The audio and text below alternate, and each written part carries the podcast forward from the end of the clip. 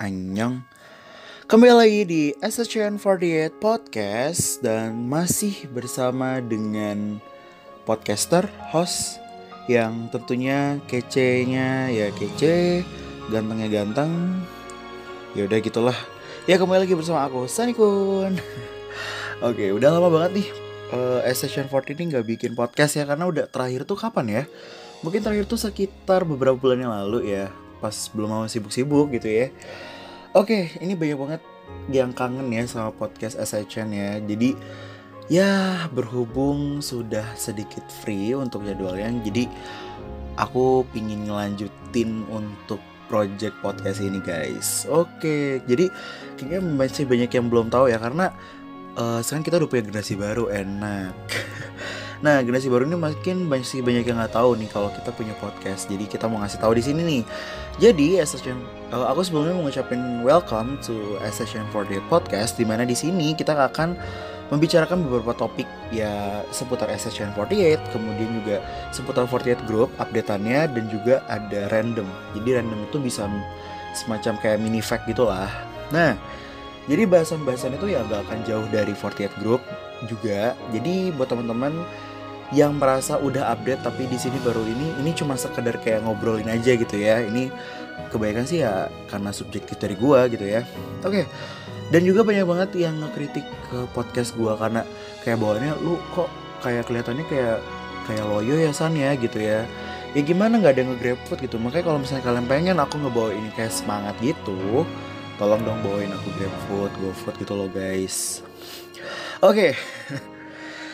Jadi kali ini uh, aku mau ngebahas hal yang spesial. Jadi berhubung aku ini bukan lagi sebagai staff dari SSN48. Jadi kalau misalkan bahasan-bahasan SSN itu biasanya aku agak telat gitu ya.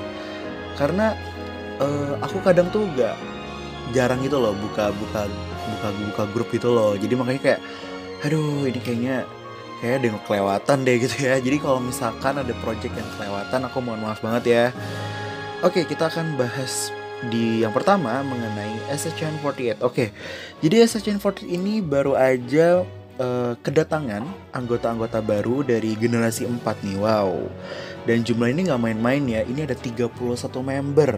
Update dari 16 Juli 2021 dengan hashtag Authentic Generation. Wow, authentic ya. Berarti generasi-generasi yang autentik. Autentik itu apa ya? Oke, pokoknya ini generasinya tuh sangat-sangat berkualitas sih menurut aku. Karena seleksinya tuh bener-bener diseleksi ya. Diseleksi ya ya.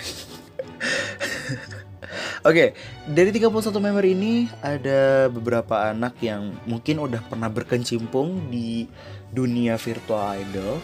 Uh, aku bilang virtual idol atau virtual cover ya?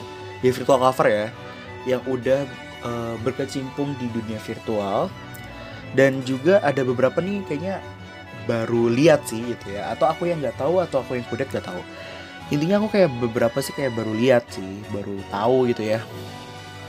Aku gak akan sebutin 31 membernya karena ini banyak banget. Pokoknya kalian bisa uh, apa ya bisa uh, stalking aja IG dari Shining 48 karena insya Allah ada. Gak tau sih gue lupa ada atau enggak intinya kalian bisa bisa cek aja ya uh, itu aja sih untuk updatean dari generasi 4 yang aku mau ngucapin welcome to fourth generation. Semoga betah di SHN dan selamat berkarya di sini. Dan aku gak, gak nganggap kalian sebagai junior sih karena banyak yang udah berpengalaman. Jadi kayak ya kita aku anggap kalian tuh sebagai temen aja ya gitu ya Oke, okay, yang kedua ini updatean terbaru adalah Sosenkyo. Jadi SHN4 ini baru aja ngerilis Sosenkyo yang pertama kalinya. Yang di mana Sosenkyo ini itu ada dua cara nih, melalui G-Form dan juga melalui YouTube. Untuk G-Form sendiri, hasil voting itu dikali 5. Dan untuk, untuk YouTube sendiri itu pure gitu ya. Dan sudah terpilih 16 member yang tentunya ini ada beberapa wajah baru dan juga wajah-wajah lama ya, wajah baru, wajah lama. Dan juga ini banyak banget member yang sebelumnya tuh jarang banget gitu loh bisa dapat kesempatan untuk dapat project tapi sekarang ini dapat project gitu ya. Dan fun factnya lagi ini generasi satu nggak ada sama sekali yang masuk karena emang kayaknya nggak nggak apply semua. Karena generasi satunya pada tinggal tiga.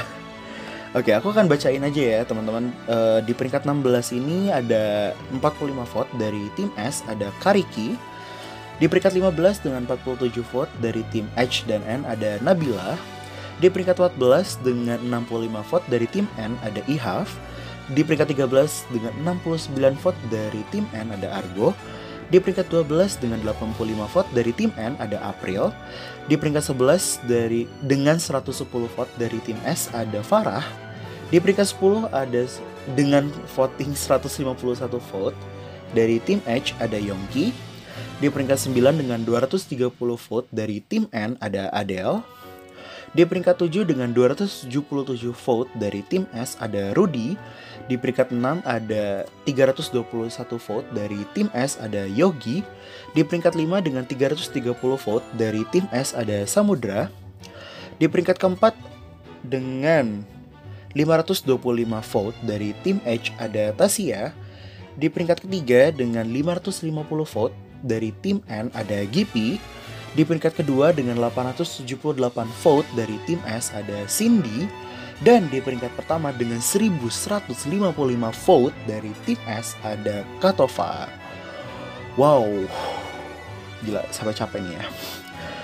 Ini uh, bener-bener kayak kalau aku lihat ya, kalau aku lihat ini ini wajah-wajah yang maksudnya mungkin ada beberapa yang sering banget muncul tapi ini ada juga beberapa member yang mungkin bisa kita dikatakan untuk jam terbang untuk ada di project SHN tuh agak sedikit gitu ya. Contoh aja kayak Katova nih. Katova nih termasuk yang jarang sebenarnya ya tapi sekarang udah bisa nomor satu. Semoga ke depannya ini banyak job ya kayak ya. kemudian juga ada beberapa kayak uh, Argo ini ya Argo terus juga ada Ihaf yang Kariki juga nih yang jarang banget nih dapat kesempatan untuk uh, dapat project. Tapi sekarang wow wajah-wajah baru. Semua guys semoga ini hasil terbaik ya guys. Dan juga untuk hasil singlenya untuk singlenya sendiri masih to be announced. Jadi kita tunggu aja. Mungkin udah di spoiler dari manajemen tapi aku nggak tahu. Oke okay, dan juga kita juga ada under shining yang under shining itu langsung dipilih oleh manajemen yaitu ada ada Jahir dan staff-staffnya. Dan di sini terpilih 16 member juga untuk apa namanya untuk under shiningnya. Uh, aku nggak aku bacain tapi nggak sama timnya ya. Jadi ada Vira, ada Cesar, ada Dinda, ada Hilmi, ada Zivana, ada Ilham Maulana, ada Adinda, ada Chandra, ada Pasha, ada Indra, ada Nesa, ada Reza, ada Ardini, ada aku, Sanikun, ada Ratri, dan senternya adalah Bima. Wow. Lagi-lagi aku menemukan banyak wajah baru ya, karena di sini banyak banget member trainee yang masuk. Wow, ini menandakan bahwa trainee itu sebenarnya ya sangat berkualitas ya untuk SSN 40 kali ini. Dan semoga hasilnya memuaskan ya guys.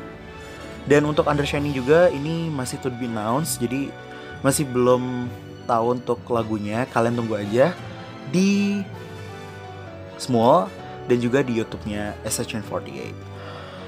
Oke, okay, tadi kita udah ngebahas masalah SHN48 dan sekarang aku bakal next ke 48 Group. Jadi uh, di sini aku akan ngebahas uh, beberapa update terbaru. Yang pertama ada single terbaru dari AKB48 yaitu ada judulnya Nemo Hamo Rumor yang di mana di sini uh, membernya pure ya dari AKB48. Jadi ini kalau misalkan menurut Stage 48 atau Wiki 48 ini adalah uh, single pertama AKB48 yang include eh yang tidak termasuk member-member dari sister group lain sejak Change No Junban tahun 2010. Bayangin guys ini ini udah lama banget berarti ya dari 2010 terus ada member-member Senbatsunya itu ada yang dari sister group lain dari SKI, NMB gitu ya. Dan sekarang untuk pertama kalinya lagi di tahun 2021 mereka ngerilis yang di mana itu eh, nggak uh, ada member asli ya, maksudnya selalu member asli dari AKB48 masalahku. Dan ini adalah single ke-58 dari AKB48 dengan center Okada Nana atau Nacan. Ya kalau misalkan aku lihat dari uh, susunan dari apa ya Senbatsu ini ya ini sangat-sangat random ya maksudnya kayak kayak yang berpengalaman ada yang bar yang muka-muka baru pun juga ada gitu ya maksudnya muka barunya ada yang pertama kali Senbatsu kayak ada Chibaeri ada Nishikawa Rei ada Yokoyama Yui Team 8 gitu ya tapi sangat disayangkan Oshiko, Iriyama Anna, dan Katorena tidak masuk. Apakah mereka sudah dibuang? Tidak tahu. Dan juga update kedua, di sini ada SK48 juga telah uh, kan merilis single terbarunya yaitu Anogoro no Kimi wo Mitsuketa yang di mana di sini Senbatsu ini ya hampir semuanya udah pernah Senbatsu karena du Senbatsu sebelumnya itu kan semua member ya jadi sudah pernah merasakan Senbatsu juga dan untuk saat ini uniknya itu adalah untuk senternya itu berasal dari tim trainnya Token Kyusei yaitu Hayashi Mirei. Ya bener ya Haya, Hayashi Mirei namanya. Jadi uh, ini merupakan center bisa dikatakan mungkin center pertamanya uh, eh, SK48 yang di mana itu adalah member trainee gitu ya.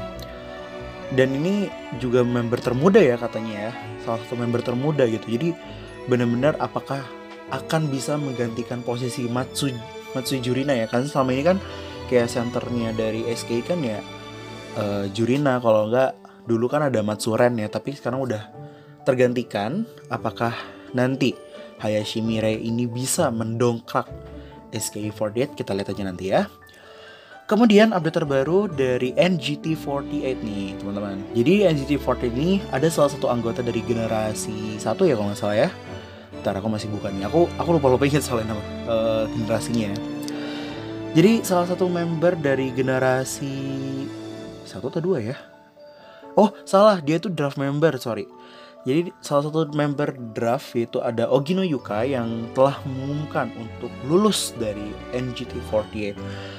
Ini hmm, cukup mengejutkan ya teman-teman karena uh, karena nggak disangka-sangka sih banyak banget yang nggak nyangka bahwa uh, apa siapa yang namanya Oniguro Yuka ini kan salah satu member yang sangat-sangat berpengaruh gitu di NGT dan dia mengumumkan untuk lulus dari NGT48 jadi apa pun keputusan dari Ogino Yuka semoga itu yang terbaik bagi Ogino Yuka sendiri maupun bagi SE SKI NGT48 mohon dukungannya teman-teman. Oke selanjutnya ini uh, update terakhir ya. Sebenarnya ini masih banyak updatean cuman ya ini yang aku tahu aja gitu ya. Update terakhir adalah bahwa salah satu member JKT48 Francisca Saraswati Puspa Dewi berkesempatan untuk merilis single. Single ya jadi bisa dikatakan single original sendiri guys. Wah ini merupakan single original solo yang keberapa ya? Mungkin aku bilang itu bukan yang pertama kali ya karena kalau kalau single itu mungkin Nabila juga udah pernah ya yang Sunshine Becomes You itu ya terus kalau misalnya lagu solo yang original lain ada Shani yang jadulnya lagunya menanti. Dan juga uh, sekarang ini ada Siska yang akan merilis di tanggal 30 kalau nggak salah ya. Ya tanggal 30 Juli atau tanggal 31 ya. Pokoknya antara tanggal itu ya. Antara 30 sama 31 Juli.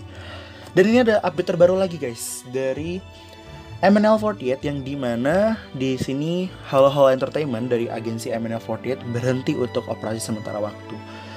Dan ini uh, aku masih belum paham karena aku belum baca belum baca sih sebenarnya belum baca secara utuh untuk beritanya. Tapi ini aku dilans aku melansir dari 48 Time dari Time Media.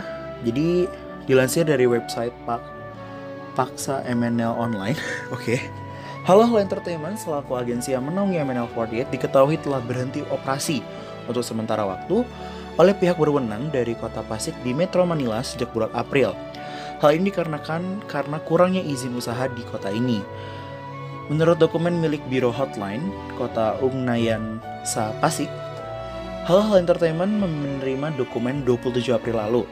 Lebih lanjut, dokumen tersebut menyatakan bahwa suatu dikirim saat pemeriksaan rutin yang dilakukan oleh BPLO atau Badan Perizinan dan Perizinan Usaha. Terbukti dalam dokumen inspeksi pertama itu pernyataan yang dibuat oleh tim BPLO menginstruksikan perwakilan Hello Hello Entertainment untuk melaporkan izinnya ke BPLO dalam waktu 5 hari kerja. Namun, sebagaimana terlihat dalam dokumen pemeriksaan kedua yang dilakukan di 16 Juli, Hello Entertainment telah mengajukan izin usaha baru dengan nomor izin PM 2021-0179111 Terlepas dari presentasi yang jelas dari Hello Hello Entertainment, BPLO mencatat dalam laporan inspeksi kedua mereka bahwa izin usaha tersebut masih perlu diverifikasi ulang dan jika terdaftar untuk triwulan dan terdaftar di triwulan ketiga tahun ini. Awal permasalahan ini diduga karena ada seorang fans yang menyampaikan keluhan produk MNL yang tidak dikirim di forum. Jadi ada satu barang, kalau nggak salah ini CD-nya CD River, jadi ada ada yang bilang ini CD River yang di mana itu dia mesen tapi nggak dikirim-kirim gitu. Meski telah mendapatkan tanggapan dari fans lain, namun pihak Hello Hello Entertainment belum memberikan tanggapan kemudian berujung pada pemberhentian izin operasi sementara. Meski berhenti beroperasi sementara, namun sepertinya untuk ke project atau kegiatan internal tetap berjalan. Hmm, apakah ini yang menyebabkan ya banyak member-member yang graduate ya? Padahal sebenarnya jujur ya, MNL40 itu adalah salah satu uh, eh, 48 yang menurut aku tuh paling paling ini gak sih paling paling bisa dikatakan tuh paling berkualitas gitu loh. Kalau aku bisa bandingin ya dibanding sama semua 48 grup yang ada MNL48 itu paling kuat di vokal kalau menurut aku ya. Karena mereka itu paling bisa akapela terus juga suaranya tuh sering apa ya sering on mic juga gitu. Jadi menurut aku tuh MNL tuh yang paling bagus gitu dibanding sama 48 grup yang lain gitu. Dan suara mereka tuh stabil-stabil gitu. Itu yang gue suka.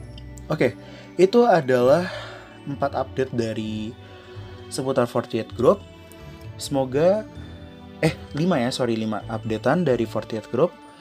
Semoga single dari AKB48 dan SK48 bisa laku.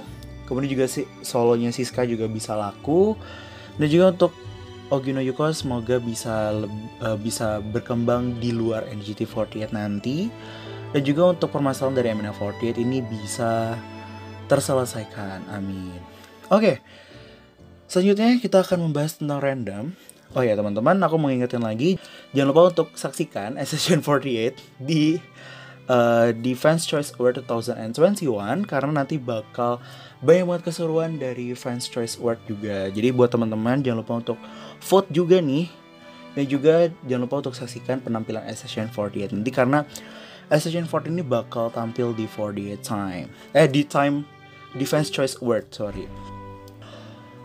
Oke, kalian juga udah pernah, udah pasti udah pada tahu ya bahwa di tahun 2021 ini sedang ada event penyelenggaraan olahraga terbesar di dunia yaitu ada Olimpiade yang diselenggarakan di di Tokyo, Jepang yang di mana seharusnya diselenggarakan tahun 2020 tapi karena adanya pandemi COVID-19 mengakibatkan uh, ini harus diundur ke tahun 2021. Penyelenggaraan ini uh, untuk openingnya sendiri ini hanya beberapa orang yang bisa masuk untuk sebagai tamu jadi bukan kayak penonton ya jadi lebih ke tamu undangan dan juga yang parade itu itu ada perwakilan. Jadi setahuku itu Indonesia itu mengirimkan sekitar 28 atlet tapi yang uh, ikut paradenya itu hanya 10 atlet saja. Gitu teman-teman. Itu yang aku tahu ya. Jadi kalau misalkan untuk update sekarang untuk olimpiade dari Indonesia apa dari Tokyo sendiri Indonesia telah meraih satu medali perunggu. Ya ini updatean pada tanggal 24 Juli 2021 pukul 21.35 waktu Indonesia bagian barat. Di sini Indonesia menepati posisi ke-19 ya. Karena ini sebenarnya bukan ke 19 ya. Jadi uh, kalau misalkan menurut update di Google itu memang 19 itu karena banyak negara yang mepet-mepet gitu ya. Tapi sebenarnya Indonesia itu menepati posisi ke 13 gitu ya.